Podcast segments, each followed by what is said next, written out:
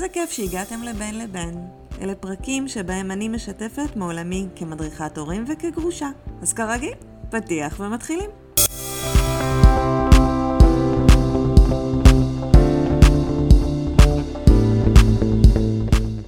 היי. מכל מקום אנחנו שומעים עכשיו את המילה קונספציה. הקונספציה נכשלה, שבירתה של הקונספציה. זו המילה הכי מושמעת מאז שפרצה המלחמה בשביעי לעשירי. אז מה זה בעצם קונספציה ואיך היא מתקשרת אלינו ולגידול הילדים? אז פתחתי ויקיפדיה, והפירוש המילולי של המילה קונספציה היא השקפת עולם. מערכת העמדות, התפיסות, הפרספקטיבות המנחות את האדם ביחסו לעולם. אבל הקונספציה זה מונח, מונח שנוצר על ידי ועדת אגרנט אחרי מלחמת יום כיפור, כשראש אמ"ן דאז, האלוף אלי זעירה, התייחס בעדותו מול ועדת אגרנט לתיאוריה שהציגו בפניו אנשי המחקר בקשר לכוונת המלחמה המצרית כאל קונספציה. במרכז הקונספציה ההיא עמדו שתי הנחות יסוד. אחד, מצרים לא תצא למלחמה נגד ישראל, אלא אם תבטיח לעצמה יכולת אווירית לתקוף את ישראל בעומק. שתיים, סוריה לא תצא להתקפה רבתי על ישראל בעת ובעונה אחת עם מצרים.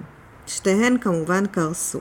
הקונספציה של ישראל בתקופה האחרונה גרמה לה לפרש את המהלכים שראו התצפיתניות ועוד אנשים בצה"ל, מהלכים שקרו בעזה בצורה שמתאימה להנחות היסוד שלהם, כלומר לצורת המחשבה שלהם. התפיסה הצבאית המדינית של ישראל הייתה שהחמאס לא מעוניין במלחמה עם ישראל.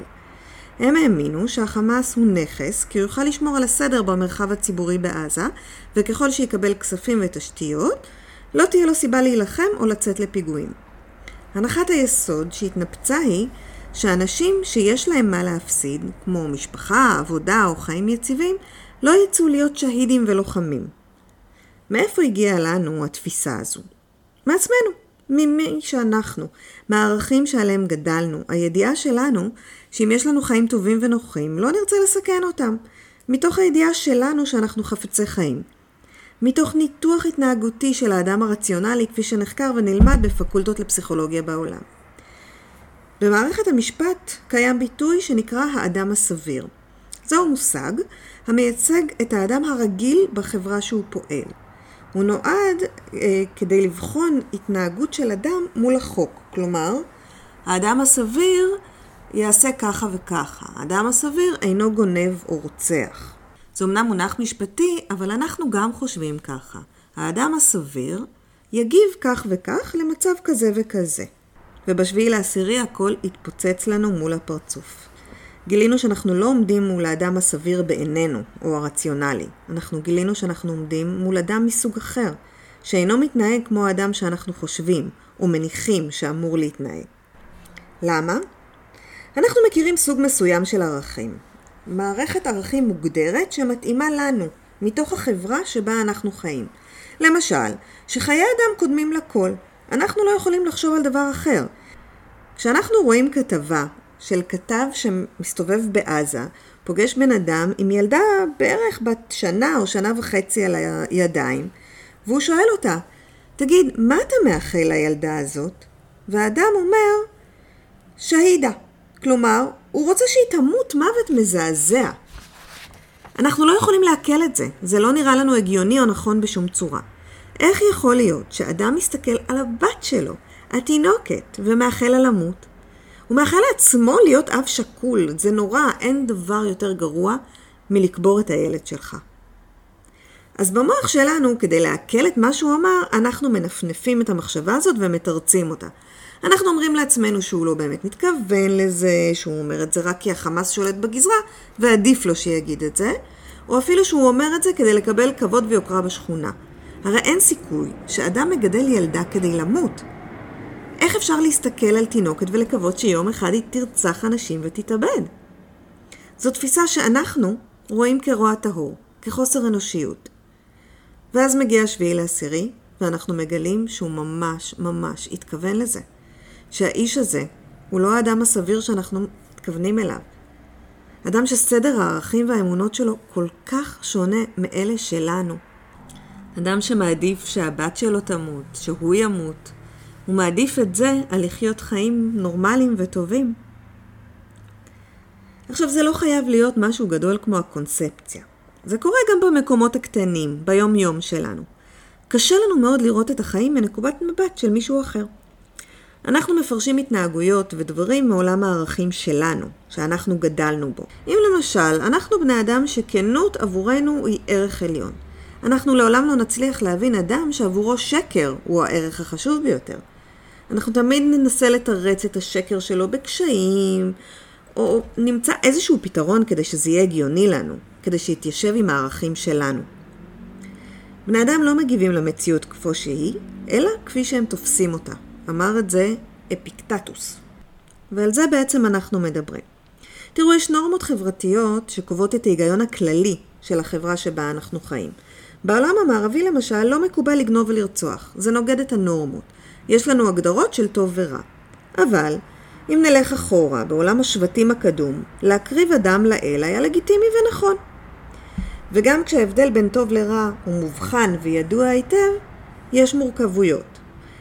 אם נדבר רגע על הסיפור של רובין הוד, שהיה גנב שגנב מעשירים כדי לתת לעניים. רובין הוד, היה אדם טוב או לא? בסיפור הוא הרי הגיבור. אז אם נסתכל מנקודת מבט חוקית, הוא גנב, הוא צריך להיענש, הוא עבר על החוק. אבל אם נסתכל מנקודת מבט אחרת, האיש עשה צדק חברתי, בעצם. אז הוא גיבור. כלומר, גם כשהכול ברור לנו וידוע, גם כשהכול כביכול הוא שחור ולבן, יש אפורים, יש מורכבויות. ובנוסף לנורמות החברתיות שכאילו נותנות לנו איזושהי מסגרת, יש גם את הנורמות הפרטיות שלנו, את ההיגיון הפרטי. היגיון הפרטי זה משהו שאנחנו לומדים מהיום שאנחנו נולדים. אנחנו חווים את העולם, אנחנו עוברים התנסויות, וככה אנחנו מגבשים אותו. אם למשל נגעתי באש ונכוויתי, המסקנה שנטבעת בתוכי היא לא לשחק באש. עכשיו, להורים ולתפיסת העולם שלהם יש תפקיד כל כך מהותי בהגדרת האמונות שלי, שנקודת המבט האישית שלי, שנקראת סובייקטיבית, מושפעת גם מההתנסויות המאוד קטנות שלי כשאני ילד, אבל בעיקר מהחינוך של ההורים, מהסיפור שהם מספרים לי על העולם. האם העולם הוא טוב? האם העולם הוא רע? בעצם, מה שהם יספרו לי, הדרך שבה הם יתווכו לי את העולם, מאוד תקבע את ההיגיון הפרטי שלי ואת השקפת עולמי. את ההרצאות שלי על אה, סובייקטיביות אני מתחילה עם אה, תמונה של כיסא שאני מציגה. ואני שואלת, האם הכיסא הזה הוא יפה? חלק מהאנשים כנראה יגידו שכן, חלק שיגידו שלא, חלק יגידו, אה, לא יודע. התשובות לא יהיו אחידות. היופי של הכיסא הזה הוא דעתי האישית, הוא לא אמת מוחלטת. כלומר, האמת המוחלטת שעומדת בפנינו זה שזה כיסא. אם הוא יפה או מכוער, זו כבר הדעה האישית שלי. זו דעה שמגיעה מצורת החיים שלי. אם לסבתא שלי האהובה היו כיסאות כאלה בדיוק, סביר להניח שאני אחשוב שאלה הכיסאות היפים בעולם, כי הם מזכירים לי זיכרונות טובים. אם גדלתי בתרבות שונה, אולי זה יהיה לי מכוער. הנכון או לא נכון שההורים וסביבתם הקרובה מספרים לי לכל אורך הילדות שלי, נטמעים בתוכי בצורה כזו שאני מאמינה שזו, ורק זו, היא הדרך הנכונה. עוד דוגמה. אם למשל נולדתי לבית של זוג הורים מונוגמיים, שבכל פעם ששמעו על גירושים או על צורת חיים פוליאמורית, טיווחו לי את זה כחטא, כמשהו לא טהור, כמשהו שאסור לעשות, אני אדע שנישואים מונוגמיים הם הדרך היחידה שלי בעולם, ששום דבר אחר לא לגיטימי. אני אגדל ככה. אם נולדתי למשפחה פוליאמורית, זאת תיראה לי דרך חיים לגיטימית לחלוטין. אני אותו בן אדם, אני גרה באותו יישוב, אולי אפילו באותו הרחוב, הולכת לאותו הבית ספר, חיה באותה רמת חיים, אבל ההיגיון הפרטי שלי, הסובייקטיבי שלי, תהיה שונה לגמרי. יהיה לי קשה מאוד להבין דרך שלא אני בחרתי, או שאני לא מכירה. כשאני גדלה במשפחה במרכאות נורמטיבית, שמסלילה אותי לדרך מסוימת, נגיד שסדר החיים הנכון הוא לימודים, צבא, אוניברסיטה, נישואים ילדים. לא ייראה לי בתור ילדה אופציה לא לסיים את הלימודים או לא לעשות צבא. זה רעיון שאני בחיים לא אחשוב עליו. זה משהו שלא יעלה על דעתי. לכל אחד מאיתנו יש חוויות שונות ומסקנות שונות, וסך כל המסקנות הוא ההיגיון הפרטי שלנו. התפיסה הסובייקטיבית שלנו, של כל אדם. אנחנו מגיבים לעולם וקולטים אותו, כל אחד לפי ההיגיון הפרטי שלו או שלה, ולכן אנחנו מגיבים באופן שונה. כשאנחנו מבינים את זה, קורים כמה דברים חשובים. הראשון הוא שאנחנו מגלים שאין נכון או לא נכון, צודק יותר או צודק פחות. יש שונה ממני, עם לגיטימציה להיות שונה ממני. וכשאנחנו מבינים את זה, אנחנו יכולים לפתוח את הראש שלנו לדעות אחרות, לדברים אחרים. וזה ישפיע על כל תחומי החיים שלנו. זה ישפיע על האינטראקציה שלנו עם אנשים, על הדרך שבה אנחנו מחנכים את הילדים שלנו, ובעיקר, בעיקר, בעיקר זה יעזור לנו בזוגיות. כי אנחנו מגיעים משני בתים שונים, ואנחנו יוצרים בית אחד. ומה שנראה לנו הכי הגיוני בעולם, פתאום מתגלה כדיל ברקר אצל בן הזוג שלנו. זאת אומרת, אנחנו בכלל לא נדבר על חינוך הילדים לפני שנתחתן, כי זה נראה לנו ברור וידוע, אני הולך להיות אבא כמו אבא שלי. אבל אולי זה לא מקובל על הצד השני. אנחנו בכלל לא מעלים על דעתנו שיש אפשרות אחרת. ואז אנחנו לא מזכירים את זה. ואז נוצרות בעיות. ואם אני אבין שהדרך של בן הזוג שלי היא לא טובה יותר, הוא לא טועה בגדול, אלא פשוט זו דרך אחרת, יהיה יותר קל. אני אוכל לראות אותה, אני אוכל לדבר בצורה יותר הגיונית ומודעת. ואיך זה קשור אלינו כהורים גרושים? אנחנו מבינים שלכל אדם יש את ההיגיון הפרטי שלו. וזה אומר שגרושתי או שהבן שלי בדרך כלל לא יעשה את הדברים נגדי. יכול להיות שהוא פשוט פועל לטובתו. זה לא תמיד יקרה לפי מה שאני אגיד לעצמי שקורה. כלומר, זה לא אומר שהוא עושה את הדברים האלה כי הוא רוצה להרע לי. לפעמים פשוט כי הוא חושב אחרת, ולכן הוא מגיב אחרת. ונגיד שהילד שלי עושה משהו, זה לא תמיד קורה כי הוא שונא אותי, כי הוא עושה לי דווקא, כי הוא מעניש אותי. לרוב, הילדים עושים דברים לטובתם, לא נגדנו. אז עכשיו, כשאנחנו יודעים את מה שאנחנו יודעים, איך אנחנו עובדים עם הסובייקטיביות או עם המידע הזה? איך המודעות הזאת הופכת לכלי שיאפשר לנו להיות הורים ובני זוג טובים יותר? דיברתי על זה באריכות כאן בפודקאסט וגם באינסטגרם שלי. אני מזמינה אתכם אה, לעקוב אחריי, מאיה מקף הורים באינסטגרם. אבל אני אחזור בקצרה על מודל אפרת. מודל אפרת מבוסס על ההבנה שלא כולם חושבים כמוני, שאנשים אחרים יכולים לחשוב אחרת. המודל מראה לנו שהתגובות שלנו למעשים של הילדים הן תוצאה ישירה של הפרשנות שלנו את המצב. המודל הזה מורכב מארבעה חלקים. א', אירוע, משהו שקורה, זה משהו אובייקטיבי, זה לא תלוי בנקודת המבט שלנו, זה פשוט קורה. שתיים, פרשנות, הפרשנות שאני נותנת לאירוע, אפרת, א', אירוע, פ', פרשנות. שלוש, זה רגש, מה שנרגיש באותו הרגע, הרגש הוא למעשה התוצאה הישירה של הפרשנות שלנו. וארבע, התגובה, מה אנחנו עושים כתוצאה מהרגש שעולה בנו, איך אנחנו מגיבים. אם ניקח לדוגמה משהו שקורה בכל בית, אני קוראת לילד להיכנס למקלחת והוא לא רוצה. אז האירוע, אני קוראת לילד להתקלח. הוא מסרב. הפרשנות שלי לאירוע תהיה, הוא רוצה לעצבן אותי, הוא עושה לי דווקא.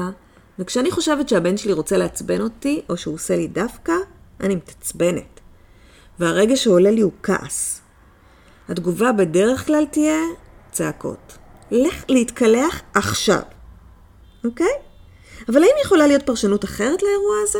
לאותו אירוע. אני קוראת לילד להתקלח והוא מסרב.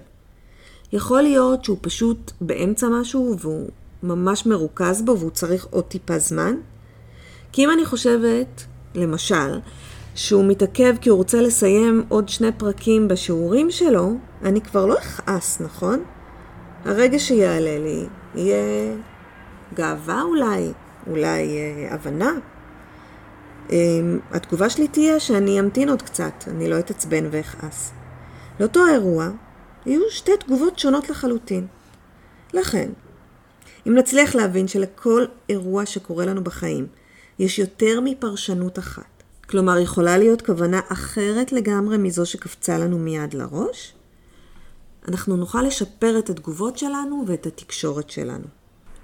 אז אם נחזור לקונספציה, הבנו שהקונספציה היא שלנו, ויש יותר מקונספציה אחת. ויש יותר אפשרויות. ואנחנו צריכים לשקול שיכול להיות שתהיה אפשרות אחרת. ואז יהיו פחות ריבים, ואולי גם נהיה הרבה יותר מוכנים. וזהו. אני מאחלת לנו שכל החטופים יחזרו, שכל החיילים יחזרו בשלום, ושיהיה לנו שבוע שקט.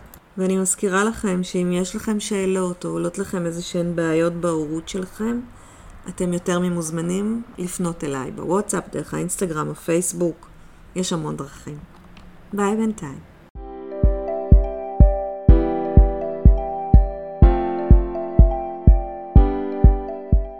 עד כאן הפרק שלנו להיום. תודה שהאזנתם.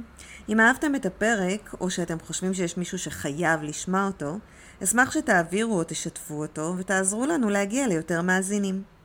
אם אתם מרגישים שאתם צריכים עזרה עם הילדים והמשפחה החדשה שבניתם, אם אתם צריכים הכוונה או מרגישים שאתם מאבדים את הילדים, אתם מוזמנים לפנות אליי בוואטסאפ או דרך האתר www.maya.com. באתר גם תמצאו מידע נוסף בכל מיני נושאים. אתם מוזמנים לחפש אותנו בפייסבוק ובאינסטגרם. תוכלו לעקוב אחרינו שם.